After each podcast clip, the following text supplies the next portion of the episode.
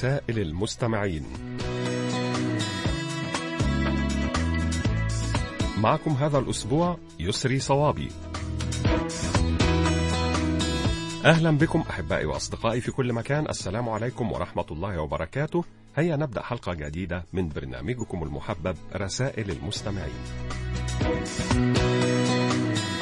وفي البداية نشكركم أيها الأصدقاء الأعزاء على تعليقاتكم حول الموضوع الذي طرحناه الأسبوع الماضي وهو إلى أي مدى تلاحظ انعكاس أخلاق الشخص في قيادة السيارة. وسوف نستعرض خلال هذه الحلقة بعض الردود التي جاءت إلينا على صفحتنا على فيسبوك.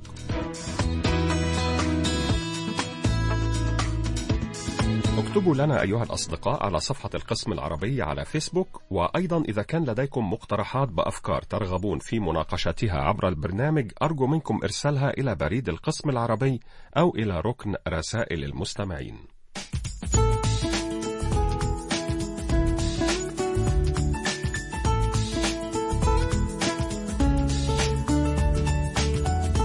أحبائي وأصدقائي كل عام وأنتم بخير بمناسبة اقتراب شهر رمضان المبارك. صديقتنا العزيزة رسل عبد الوهاب من العراق تهنئنا أيضا بهذه المناسبة وتقول: كل المواعيد تحددها ساعة في معصمنا إلا موعدنا مع رمضان. لا ننظر فيه لساعتنا بل نرفع أعيننا إلى السماء لنعرف متى يهل هلاله ومتى يرفع أذانه ومتى يؤذن لنا بالإفطار والإمساك ومتى تثبت رؤية هلال عيده وفي ذلك رفعة لوجداننا وتقرب من الله في علياء عرشه حيث على مدى ثلاثين يوما يكرمنا بفتح أبواب السماء لكل من رفع إليه النظر أو رفع إليه يديه بالدعاء. لكل موعد وقت بمقياس أرضي، اتفق البشر على تقويمه الزمني، ولكن وحده رمضان زمن سرمدي يتجاوز قدرتنا على العد، فكيف نقيسه وفيه ليلة خير من ألف شهر؟ اللهم بلغنا رمضان.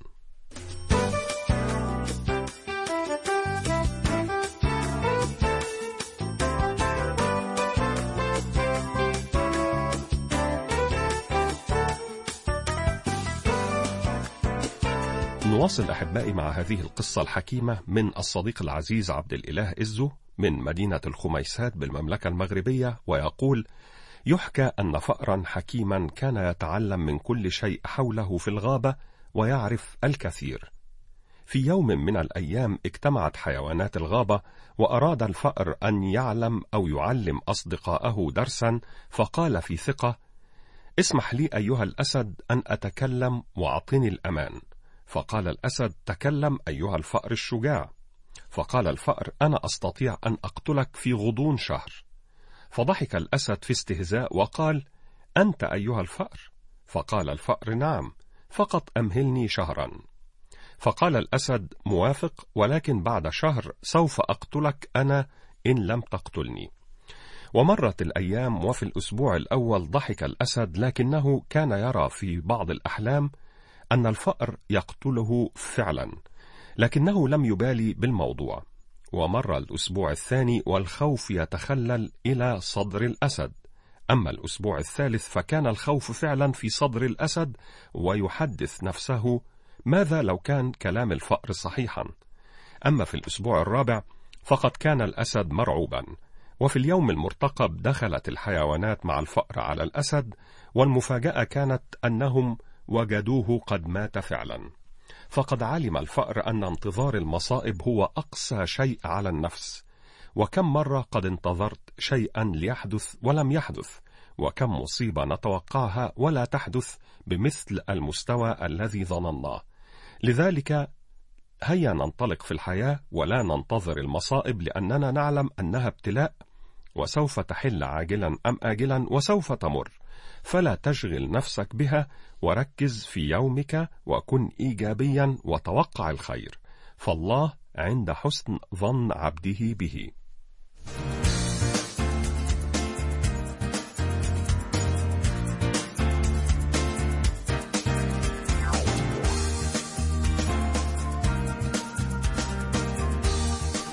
لدينا قصة أخرى ولكن مضحكة من الصديق العزيز محمد بودوخة من الجمهورية الجزائرية وهي على هيئة شعر عن شاب يريد الزواج وأرسل إلى رجل يكنى بأبي عزيزة ليختار له عروسا. بعث امرؤ لأبي عزيزة مرة برسالة يبكي ويضحك ما بها. فيها يقول أريد منك صبية حسناء معروفا لديكم أصلها وأديبة ولطيفة وعفيفة وحليمة ورزينة في عقلها. قد أحرزت في العلم غير شهادة وعلى النساء طرة تفوق بفضلها.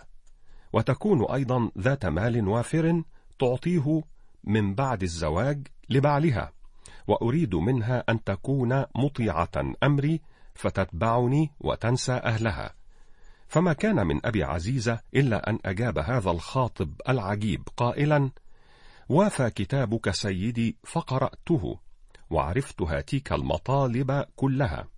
لو كنت أحظى بالتي قد رمتها طلقت أم عزيزة وأخذتها.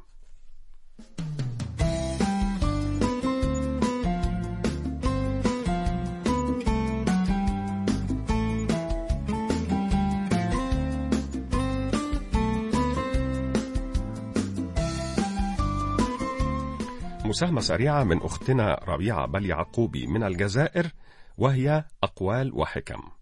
نصف الراحة في عدم مراقبة الآخرين. نصف الأدب في عدم التدخل فيما لا يعنيك. ونصف الحكمة في الصمت. إذا كنت لا تهتم لما يعتقده الناس فأنت بالفعل اكتست أول خطوة نحو النجاح. لا يأس مع الحياة ولا حياة مع اليأس. الصبر شجرة جذورها مرة وثمارها شهية. وأخيرا يرى المتشائم الصعوبة في كل فرصة. أما المتفائل فيرى الفرصة في كل صعوبة.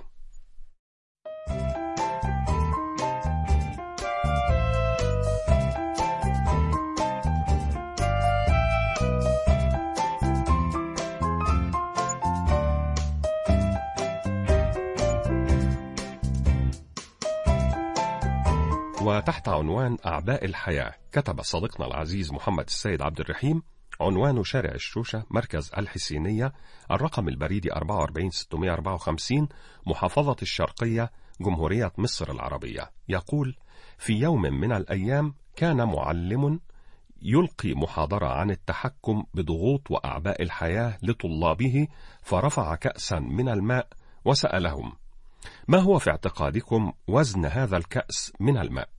فكانت الإجابات تتراوح بين 50 إلى 500 جرام. فأجاب المعلم لا يهم الوزن المطلق لهذا الكأس فالوزن هنا يعتمد على المدة التي أظل ممسكا فيها بهذا الكأس فلو رفعته لمدة دقيقة لن يحدث شيء ولو حملته لمدة ساعة فسأشعر بألم في يدي ولكن لو حملته لمدة يوم فسوف تستدعون سيارة الإسعاف. فالكأس له نفس الوزن تماما ولكن كلما طالت مدة حمله له كلما زاد وزنه. فلو حملنا مشاكلنا وأعباء حياتنا في جميع الأوقات فسوف يأتي الوقت الذي لن نستطيع فيه المواصلة. فالأعباء يتزايد ثقلها وما يجب علينا فعله هو أن نضع الكأس ونرتاح قليلا قبل أن نرفعه مرة أخرى. إذا يجب علينا أن نضع أعباءنا بين الحين والآخر لكي نتمكن من إعادة النشاط ومواصلة حملها مرة أخرى. فعندما تعود من العمل يجب أن تضع أعباء ومشاكل العمل ولا تأخذها معك إلى البيت، لأنها ستكون بانتظارك غدا وسوف تستطيع حملها.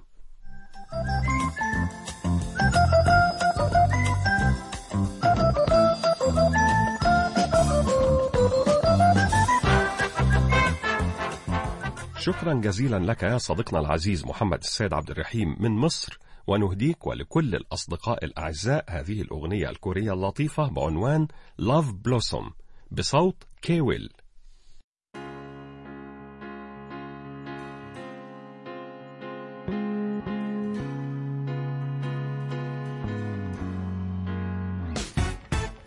입안에서 바람만 다시 달콤한 아침. 새하얀 이불 위로 닿는 햇살이 좋아.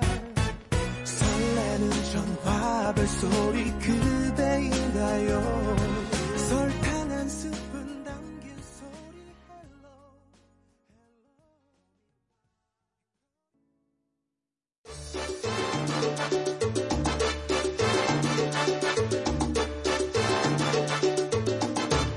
الآن إليكم أحبائي وأصدقائي بعض الردود السريعة عن رسائلكم.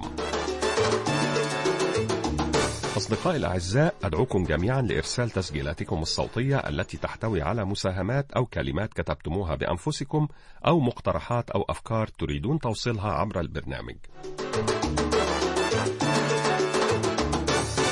شكرا لمستمعنا الوفي بوعلي مؤمن من الكاليتوس بالجزائر حيث يقول صلة القربى تعني حبا عظيما وقوة ذهنية ونفسية مشتركة تدمج القناعات الشخصية المتفرقة لتصبح قيمة عائلية عليا ينتج عنها سلوكيات فردية إيجابية.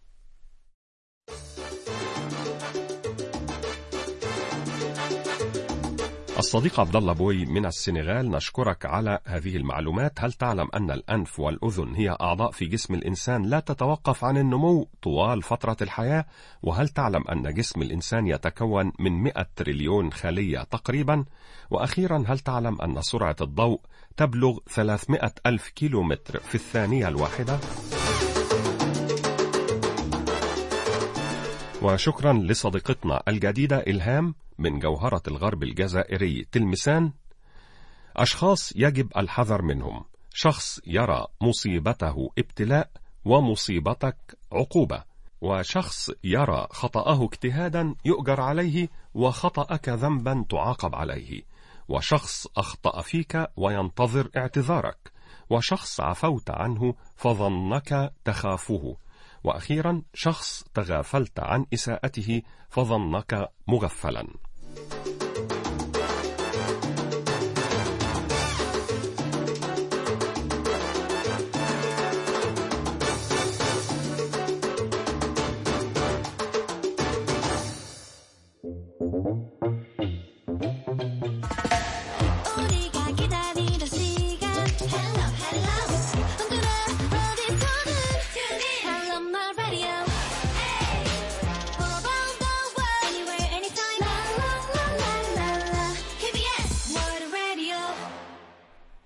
نواصل أحبائي مع المستمع المخلص جدا ورفيق الدرب المتواصل عبد الرزاق القاسمي. صندوق بريد 32 بني ثور ولاية ورقلة 30009 الجزائر ويحدثنا هذا الأسبوع عن اليوم العالمي للملكية الفكرية ويقول اليوم العالمي للملكية الفكرية يوافق يوم السادس والعشرين من إبريل من كل عام وجاء بقرار من أعضاء المنظمة العالمية للملكية الفكرية ويبو في اليوم الذي يصادف تطبيق قرار تأسيس المنظمة في عام 1970 وقد عرفت المنظمة الملكية الفكرية بأنها أعمال الفكر الإبداعية أي الاختراعات والمصنفات الأدبية والفنية والرموز والأسماء والصور والنماذج والرسوم الصناعية.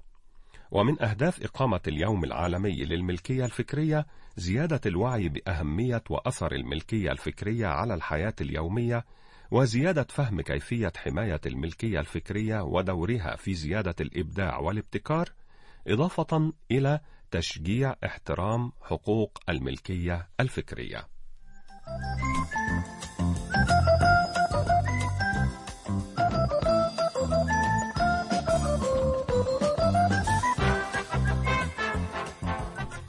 قصة طريفة أخرى أرسلها إلينا صديقنا العزيز حمزاوي محمود حمزاوي مصر أسوان صندوق بريد 279 ويقول وقف إعرابي على باب بخيل وهو يتغدى فسلم عليه ثم أقبل البخيل على الأكل ولم يعزم الإعرابي عليه.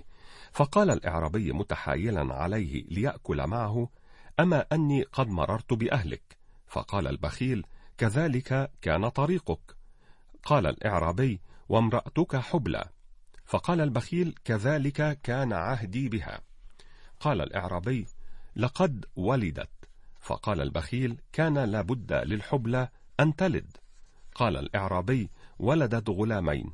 فقال كذلك كانت أمها. قال الإعرابي مات أحدهما. فقال البخيل ما كانت تقوى على إرضاع اثنين. فقال الإعرابي ثم مات الآخر. فقال البخيل ما كان ليبقى بعد موت أخيه.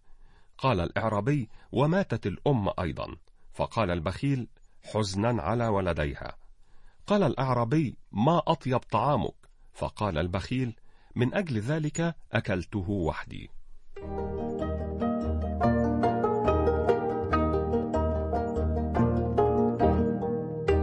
قضية الأسبوع وموضوعنا هذا الأسبوع هو مدى انعكاس أخلاق المرء في قيادته للسيارة.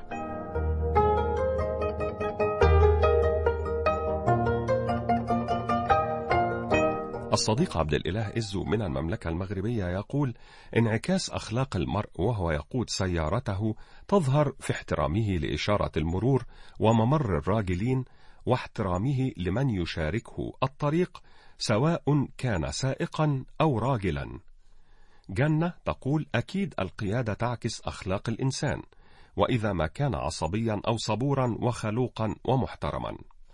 أمال جمعة تقول هناك انعكاس كبير فالشخص لا يقود وحده في الطريق وطريقة تعامله تظهر أو تظهر في المواقف التي قد تحدث له في الطريق وكذلك في ألفاظه. فالطريق يحتضن شتى أنواع البشر من الجيدين والسيئين ولا يمكن أن نقيم شخصا بهذا المنظور ولكن مع ذلك هذا يعتبر جزءا من التقييم. أخيرا هاجر أحمد تقول قيادة السيارة تعلم الصبر ويجب على الشخص أن يكون صبورا في أثناء القيادة ويتجنب العصبية والشتائم.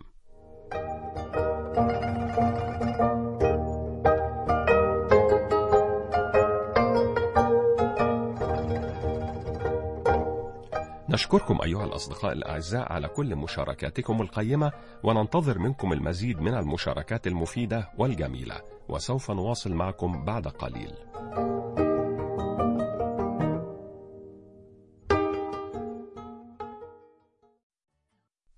نواصل أحبائي مع الخل الوفي إدريس بودينا بيتسبرغ الولايات المتحدة الأمريكية ومساهمة شعرية من أشعار نزار قباني. اغضب كما تشاء. واجرح أحاسيسي كما تشاء. حطم أواني الزهر والمرايا. هدد بحب امرأة سوايا فكل ما تفعله سواء. وكل ما تقوله سواء. فأنت كالأطفال يا حبيبي. نحبهم مهما لنا أساءوا اغضب فأنت رائع حقا متى تثور. اغضب فلولا الموج ما تكونت بحور. كن عاصفا كن ممطرا. فإن قلبي دائما غفور. اغضب فلن أجيب بالتحدي فأنت طفل عابث يملأه الغرور. وكيف من صغارها تنتقم الطيور؟ اذهب إذا يوما مللت مني. واتهم الأقدار واتهمني. أما أنا فإني سأكتفي بدمعي وحزني. فالصمت كبرياء والحزن كبرياء. اذهب إذا أتعبك البقاء فالأرض فيها العطر والنساء وعندما تريد أن تراني وعندما تحتاج كالطفل إلى حناني فعد إلى قلبي متى تشاء.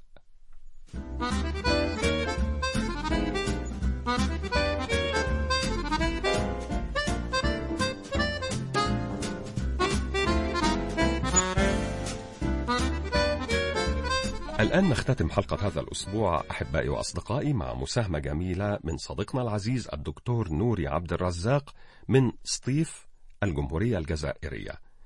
يقول أحيانا يكون الصمت خيارا صعبا أمام الرغبة في البوح عن شيء يتراكم في قلوبنا.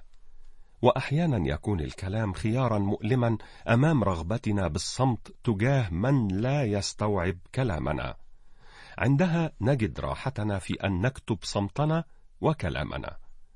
ربما تسافر الكلمات إلى الذي نريد دون معاناة. لا تحاول أن تكون جميلا. كن حقيقيا ففي ذلك ما يكفي من الجمال. يتعافى الإنسان بالحب وبالكلمة الطيبة. فطوبى للقادرين على منحها بصدق. من الجمال ألا نبوح بكل مشاعرنا. فالكتمان لغة أنيقة. الروح الجميلة تفرض ذاتها أينما حلت بتلقائيتها المهذبة وبساطتها الأنيقة. إنها تلك الروح التي وإن كانت غريبة عنك شعرت لأول وهلة أنها روح مألوفة لديك وكأنها كانت روحا قريبة وصديقة. فسبحان من ألف القلوب ورزقها القبول.